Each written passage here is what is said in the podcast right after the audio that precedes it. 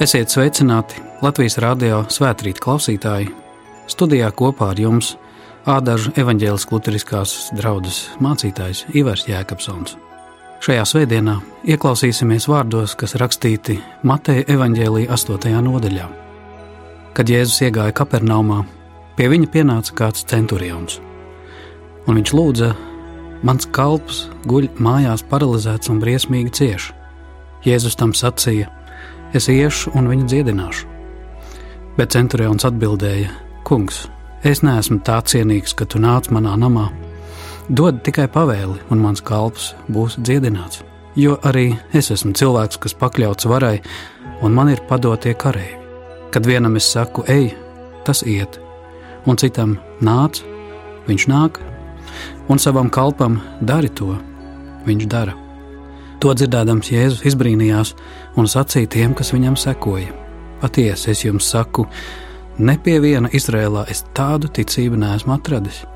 Un es jums saku, daudzi nāks no austrumiem un rietumiem un sēdēs kopā ar Ābrahāmu, Īzāku un Jēkabu debesu valstībā, bet valstības dēli tiks izgrūsti ārā tumsībā. Tur būs vaimanas un zobu griešana. Tad Jēzus sacīja centurionam: Ej, lai tev notiek kā tu esi ticējis. Un kalps tapa vesels tanī pašā stundā.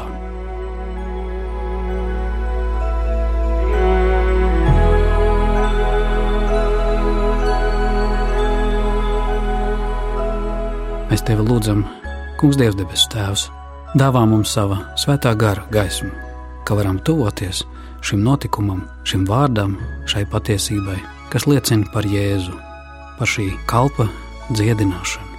Stiprina arī mūsu ticību tajā. To lūdzam Jēzus vārdā. Āmen!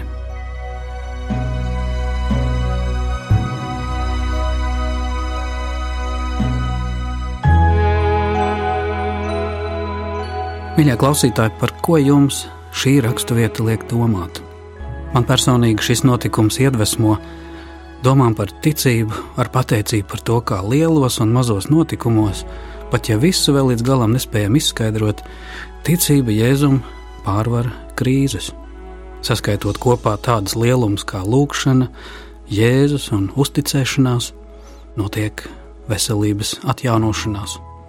Tur, kur citkārt vajag daudzus gadus, lai atvesaļotos, un varbūt pat daudzas ķirurģiskās iejaukšanās, te notiek viss dieva brīnumainā kārtā. Un tā nav runa tikai par kādu veselības krīzi vien.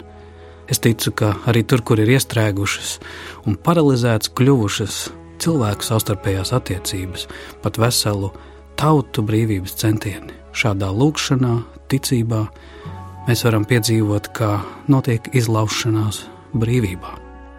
Es nezinu, vai jums kādreiz ir uzkāries dators. Droši vien tādu situāciju pazīst turpat vai viens cilvēks kad notiek kāda pārslodze, pietrūkst jaudas, programmas nonāk pretrunā, ielaužas vīrusi vai vienkārši veca sistēma.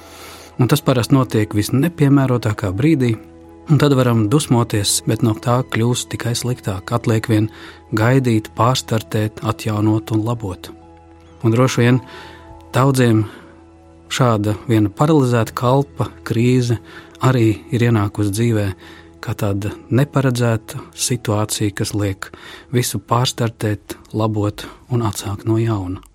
Jā, paralīze tā ir sava veida arī cilvēka smadzeņu vai nervu sistēmas darbības pārāvums, rodas pilnīgi vai daļēji muskuļu apstāšanās, insults. Un tas viss ir fizisko cēloņu apraksts. Bet ļoti bieži šāda paralizējoša situācija notiek arī cilvēkam tā sakot, psihoemocionāli, kā iekšēja agresija, greizsirdība, naids, izmisīga pretošanās kādam liktenim, ko nespēja pieņemt. Un cilvēks, atrodoties tādā krīzē, nonāk pretrunu paralīzē. Un nereti tā ir kā tāda zemapziņas izraisīta reakcija, vēlme risināt, bet tu nespēji izkustēties no vietas. Un bieži vien atvesaļošanās gaitā cilvēks ir spiests pa jaunam komunicēt un sajust sevi šajā situācijā, ar kuru kontakts ir zudis.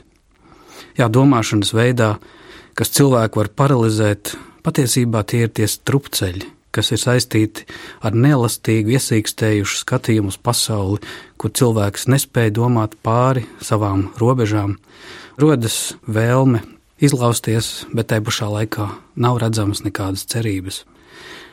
Un iespējams ar šādu aprakstu mēs varam sacīt, ar cilvēku notiek līdzīgi kā ar datoru. Sistēma uzkaras, konflikti jāpārstartē, jālabo. Un tā visa vidū ienāk kāds virsnieks, palūdz jēzum palīdzību, un viņš nāk kā tāds lielais meistars, kurš dziedina.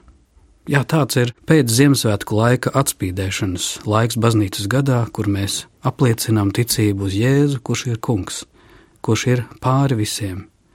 Un šī problēma, krīze, kas ir notikusi viena kalpa dzīvē, kur nav īsti pateikts, kāpēc, vai to izraisīja kāda netaisnība, pārdzīvotā naids, dusmas vai nemitīgās dzīves problēmas, vai vecums, tur Jēzus ienāk kā dzīvība. Jo šim paralizētam virsnieku kalpam bija laimējies. Pat ja viņš pats nevarēja atnākt, virsnieks devās pie Jēzus un lūdza palīdzību šo dievišķo iejaukšanos. Es nezinu, vai šodien darbā pie mums Latvijā kāds tā dara, kad, piemēram, vadītājs lūdz Dievu par saviem darbiniekiem. Parasti mēs garantējam slimības lapas, bet sliktākā gadījumā zaudējot darba spējas vienkārši atlaižam, izmetam. Tāpat kā senos laikos slavenais Aristoteles sacījis, ka vergs ir tikai dzīves instruments. Ko gan lai romiešu centurions dara ar salūzušu instrumentu? Tomēr nē, šis centurions acīmredzot mīl šo darbinieku un iet lūgšanā pie Jēzus. Un tas savā ziņā kalpo arī mums par simbolu - lūgšanām, dziedinošām aizlūgšanām un pārmaiņām, ko mēs varam iegūt ģimeņu, darba un pat tautas līmeņu attiecības strupceļos. Kad mēs atnesam par kādu cilvēku aizlūgšanu, mēs varam piedzīvot, kā daudzus tas ir aizvedis pie svētības, miera, ticības un risinājumu. Kristīgā dzīvē patiesībā ir divi veidi, kā izturēties pret problēmām. Viena ir tā dabiskā, bet otra ir tā žēlstības pilnā attieksme. Daba šeit ietver mums dotās zinātnes, tehnoloģijas un spējas, resursus, kas ir arī mūsos saņemts no dieva radīšanā un visu, ko esam attīstījuši, pateicoties savam saprātam un spēkam, bet žēlstības attieksme ietver sevī pārdabisku ticību un lūgšanas saskari ar Dievu, kura rezultātā mēs iegūstam tādā veidā svētību, kas pārsniedz cilvēcīgās iespējas. Un tādēļ cīnoties pret slimībām un neveselību, kristieši nevar apmierināties tikai ar dabiskām iespējām jo tā būtu drīzāk nolaidība, ja mēs apmierinātos tikai ar dabiskām lietām. Parasti kristīga dzīve nāk pie Jēzus, runā par savu dzīvi gan ar pateicību, gan ar aizlūgšanām, jo svētie raksti arī saka, Dievs saviem ļaudīm, saviem bērniem, savai baznīcai deva varu dziedināt visas sērgas un slimības. Nu, lūk, šim kalpam tā tad bija paveicies. Viņam ir labs priekšnieks, labs virsnieks, kas pavēlnieks par simts vīriem. Un galu galā viņam ir arī labais Jēzus, Dieva dēls, kurš ir tāds, kam ir vara, kurš ir kungu kungs un ķēniņš ķēniņš, un uz viņa vārdu paralizētais tiek atbrīvots. Tur, kur cilvēku ārstēšanai vajadzētu mēnešus, te notiek viss brīnumainā un ātrā kārtā. Un tas notiek nereti arī mūsdienās, kur spēku tam dod ticība Dieva vārdam un aizlūgšanas. Atmodas laikā vēl žurnāls Sveiks un Vesels aprakstīja kādu amerikāņu pētījumu, ka ticība un aizlūgšanas palīdz atlapt nesalīdzinām ātrāk. Jo vienīgā problēma, ko arī ik viens mediķis, manuprāt, varētu atzīt, ka problēma atlapšanai ir tā, kā liecina kāds ārsts, ka bieži vien trūkst gribas spēku un ticības. Un bieži vien atrisinot šo gribas spēka trūkumu un atrodot ticības jēgu savai dzīvei, cilvēks jau piedzīvo jaunu pieplūdumu atlapšanai un veselībai. Un redziet, Jēzus brīnījās par šī virsnieka vienkāršo ticību, kas balstīta uz varas hierarhiju. Šī virsnieka pasaule ir tieši tāda. Saki pavēli, un viss notiks. jo parasti armijā tā notiek. Ja kādam liek, viņš dara. Un Jēzus brīnījās. Šis vārds brīnīties ir lietots diezgan bieži Bībelē, kad ļaudis redzēja dieva darbus, bet tikai divās vietās ir sacīts, par ko Jēzus brīnījās. Piemēram, pirmkārt par šī centuriona ticību, un otrkārt par savu dzimto pilsētu, Nācereti, kura Jēzu neatzina un viņam neusticējās. Ja pareizāk sakot, šī pilsēta domāja, ka pazīst Jēzu labāk un novērtēja viņu par zemu, nosauc vienkārši par parastu Jāzepa dēlu un viss. Un tad Jēzus sacīja: Lūk, pravietis nekur nav mazāk godāts kā savā tēva zemē, savos rados un savā namā, un viņš tur nevarēja darīt nevienu brīnumu, kā vien rokas uzlicis, dziedināja tikai dažus slimos. Un lūk, Marka evanģēlijas sestā nodaļā rakstīts, un viņš brīnījās par viņu neticību. Un lūk, šis centurions Kapernaumā nāk pie Jēzus kā pie dievišķā virspavēlnieka, kuram patiesībā arī pašam ir jāmācās jauna pieeja lietām, kā tās darbojas. Viņš nākot pie Jēzus ir spiests atzīt, ka kaut kas vairs viņa ierastajā pasaulē nedarbojas. Tur, kur ir līdzīgi kā militārā struktūrā, pavēles un pavēļu izpildītāji. Romas Cēzara kults, ne arī kāds cits tā saucamais dieviņš nevar palīdzēt. Nepietiek ar parastu militāru komandu, celies, apklusti, runā, strādā. Ir zudis kontakts ar šo kalpu.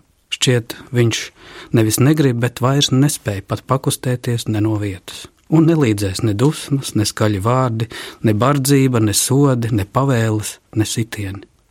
Atliek vienīgi Jēzus, kurš šo situāciju izlabo no iekšas, ar mīlestību, ar gara spēku, ar aizlūgšanu. Citiem vārdiem sakot, šeit pat virsniekam ir jālieto, jāpakļaujas kādai citai varai, citam vārdam, kas ir augstāks, spēcīgāks par cilvēciskām domām, pavēlēm vai varām. Dieva vārdam un Jēzus dziedinošam spēkam. Jēzum, par kura brīnišķību dziedāja eņģeļi, kuru pielūdza gani, kuru abrīnoja austrumu gudrie, kuru slavēja farizēji un mācītāji par viņa saprašanu jau no 12 gadu vecuma, viņam, kurš ir vārds, kas tapa miesu, caur ko viss radīts, viņam, caur kuru visas lietas, viņam, kurš ir sākums un gals, kurš mūs ved pie tēva, kurš visu radījis, uztur, svētī ar visvareno spēku. Un vai tas būtu muitnieks, kas Jēzus aicināts atstāja ienesīgo amatu un seko Jēzum, vai arī tas ir cilvēks, kurš saņem atdošanu un pieceļas no paralīzes, vai lepras slimnieks, kurš iegūst jaunu iespēju dzīvot atkal sabiedrībā un atgriezties mājās, pat mirušais, kas uzcelts no nāves, Tas viss ir vienas un tās pašas Dieva svētības dažādās izpausmes, Jēzus darbībā, viņa spēkā un varenībā. Citiem vārdiem sakot, Kristus dotais vārds - piedošana, dziedina, atbrīvo un sakārto dzīves. Un kaut arī mūsdienās daudziem tas vēl aizvien izraisa skepsi un neticību, vēl aizvien šķiet, ka tie ir pārspīlēti vārdi. Tomēr tieši šīs liecības, šī atsliecinieku pieredze veido kristīgās ticības pamatvērtības, un arī mūsdienās mēs redzam cilvēkus, kuram ir šī dāvana, ticībā Kristum, piedzīvot dziedinājumu. Tas nenozīmē, ka dziedināšana būtu vienīgais veids, kā risināt savu dzīvi, bet skaidrs ir viens: tuvojoties Jēzum, mēs tuvojamies gaismai. Vienalga dabiskā vai pārdabiskā veidā mēs spējam celties un doties tālāk. Tāpēc arī mums, kad domājam par savām problēmām, par saviem slimniekiem, par saviem tuviniekiem, ir svarīgi atcerēties, ka Dievs dziedina. Un varbūt nav nekāda īpaša tehniska paņēmiena, kā to mums iemācīt, kā būt vispareizāk. Kā vienīgi līdzīgi kā šis virsnieks - nākt, runāt, uzticēties un sacīt: Saki tikai pavēli, saki tikai vārdu. Kapernāmas piemērs savā ziņā ir biedējošs un pamācošs. Šodien tur, tajā pilsētā, kur Jēzus reiz dzīvoja, ir tikai drupas, un tas ir viens turisma objekts. Šajā pilsētā, kur Jēzus dzīvoja, patiesībā ir tik daudz brīnumu, kurus viņš darīja, ka pat viņa dzimtā nācerete bija kļuvusi greizsirdīga. Jēzus te mācīja, aicināja mācekļus, taču pārsteidzoši ir tas, ka redzot to visu, cilvēki bijuši kā akli, neatgriezās no saviem grēkiem. Piedzīvoja daudz brīnumu, bet iekšēji šī morāla nebija kļuvusi labāka. Tie, kas ir bijuši svētajā zemē, zina teikt, ka tur tajā apvidū notika vēl daudz kā cita. Gan Jēzus staigāšana pa ūdeni, gan vētras apklusināšana, gan paēdināšana tuksnesī, gan kalna svētruna un mācekļu aicināšana un Pētera lielais loms, mācekļu satikšanās ar Jēzu arī pēc augšām celšanās. Un tomēr šie lielie notikumi parādīja to, ka kaut kā cilvēkiem pietrūkst, lai viņi atvērtos šai patiesai ticībai uz Kristu. Kaut kas bija aizslēdzis viņu sirdis, tie neatgriezās no grēkiem. Kā Jēzus pats teica, ja Tirā un Sidonā būtu tādi brīnumi notikuši, kā šeit, tie sen jau maisus apvilkuši, sēdot pelnos, būtu grēkus nožēlojuši. Tiešām viņš saka, Tirai un Sidonai tiesas dienā būs vieglāk nekā jums, un tu, Kapernauma, vai tu tiksi paaugstināta līdz debesīm? Nē, tu nokāpsi ellē. Tā Jēzus pravieto par šo pilsētu, no kuras šodien vien palikuši drupas, par pilsētu, kurā Jēzus dziedināja šo virsnieka kalpu. Jā, mēs varam redzēt, ka paralīze ir vienmēr kaut kas tāds, kas liek domāt citādāk. Un paralīze, ja tā nav fiziska, varbūt grēka apcietināta sirds, kas pat tad, ja fiziski veseli var nodzīvot visu mūžu, tomēr dvēseli pazudina. Šim virsniekam arī tas bija jāsaprot. Viņš to darīja, viņš nāca pie Jēzus. Un mēs varam lepoties un priecāties, ka patiesībā, lai ko teiktu par kristiešiem mūsu zemē, Mūsu tauta ir lūgusi Dievu un nesusi mūsu zemes likteni uz lūgšanas rokām, un arī saņēmuši atbrīvošanu dažādos laikos. Vienalga, vai tas būtu vidzemes zemnieks, kurš Henhūtiešu laikā piecēlās no dzīves dubļiem, vai arī tās ir 91. gada barikāžu dienas, kur arī es kā viens no draudzes jauniešiem piedalījos lūgšanu ķēdēs par Latviju Lūk, šīs lūkšana barikādas ar gara spēku pret kara spēku toreiz bija ticības cīņa un skaidri saņemt dieva atbildi. Jā, patiesi, kristīgā cerība un ticība brīnumam ir cīnījusies plecu pie pleca arī ar mūsu tautas ilgām pēc brīvības. Bet tagad ir jautājums, ko darīsim mēs ar to iegūto brīvību? Vai mēs paliksim uz ticības ceļa, jeb līdzīgi kā ar Kapernaumu, pienāks brīdis, kad šeit ne akmens uz akmens nebūs palicis. Jo iegūto dziedinājumu, iegūto attēlu un brīvību varbūt būsim izmantojuši, lai kristu atkal vēl lielākā verdzībā, kas nokauj, sašķeļ, degradē, atsvešina un padara tautas dvēseli slimu līdz nāvei. Tādēļ daudz vairāk par fizisku dziedināšanu Jēzus meklē dvēseles pestīšanu. Uz to lai Dievs arī mūs katru svētī, ka mēs ne tikai atrisinām ārēji fiziskas problēmas, bet visvairāk tiekam brīvi no dziļākā, no tā, kas mūs attālina no Dieva, no dzīves jēgas, no patiesas ticības un veselības pamata, lai mēs varētu svētumā un Kristus taisnībā dzīvot tagad un sasniegt mūžību. Āmen!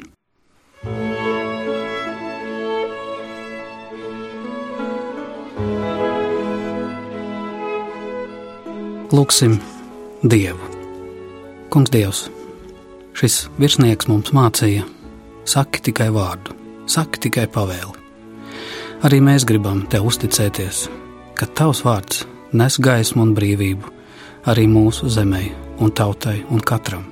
Lai tautas un valstu varenieki, kas krāj līdzekļus karam, sadzird šo Kristus mieru nesošo vārdu, kas izlīdzina un piedod. Un arī tur, kur dažādas zemes izšķiež pārtiku un tīko pēc pārāk lielas labklājības. Saki tikai vārdu, kur arī mēs atdarām savas sirdis tev un citiem un paēdinām. Un varbūt tur, kur drošības iestādes gādā par mieru un pieprasa paklausību, kungs saka tikai vārdu, kā tu esi teicis, dodiet godu dievam, un ķēzaram, kas pienākas ķēzaram, lai arī mūsu zemē ienāk kārtība un nesautība. Un tur, kur cilvēki dzenas pēc dažāda veida ticības tīrības, saki, kungs, vārdu ar savu patiesību, kas arī mūsu zemi var vienot patiesā ticībā. Un tur, kur cilvēki, dažāda veida dzimumi, piemēram, sievietes meklē atrast savas sievišķības noslēpumu piepildījumu, arī tur kungs saka savu vārdu, kas samierina, paceļ un palīdz atrast savu vietu. Vai arī vīri, kas cenšas būt bravūrīgi un skarbi, baidās no maigu jūtu izpaušanas un meklē savas vīrišķības dāvanu, kungs Dievs palīdz, kā arī tur. Mēs neizpaužam sevi tikai kādā agresijā, bet atrodam sevi mīlestībā citu uz citu, kur arī daudzi varbūt ir apsēsti ar dažādu veidu ideju par attīstību un izaugsmi, un aizmirst, ka mēs varam būt kā bērni, vienkārši būt kur nav tik daudz svarīgi progress un peļņa, bet mīlestība. Arī tur, kungs, Jēzu, saka tikai vārdu, un arī mūsu sirdis būs veselas. Ir sevišķi esi, kungs, Jēzu klāta tur, kur lūkšanas apsīkst, kur ticība vainās un gaisma apdzīst. Nāc, kungs, Jēzu, tu mūsu valdnieks, svētais un patiesais, kas atbrīvo, dziedina un atraisa un pacel. Un Jēzu tavā vārdā mēs sakām, Mūsu Tēvs debesīs, svētīts lai top tavs vārds, lai nāk tava valstība, tavs prāts, lai notiek kā debesīs, tā arī virs zemes. Mūsu dienascho maizi dodi mums šodien, un piedodi mums mūsu parādus, kā arī mēs piedodam saviem parādniekiem. Un neieved mūsu kārdināšanā, bet atpestī mūs no ļauna, jo tev pieder valstība, spēks un gods mūžīgi mūžos. Amen.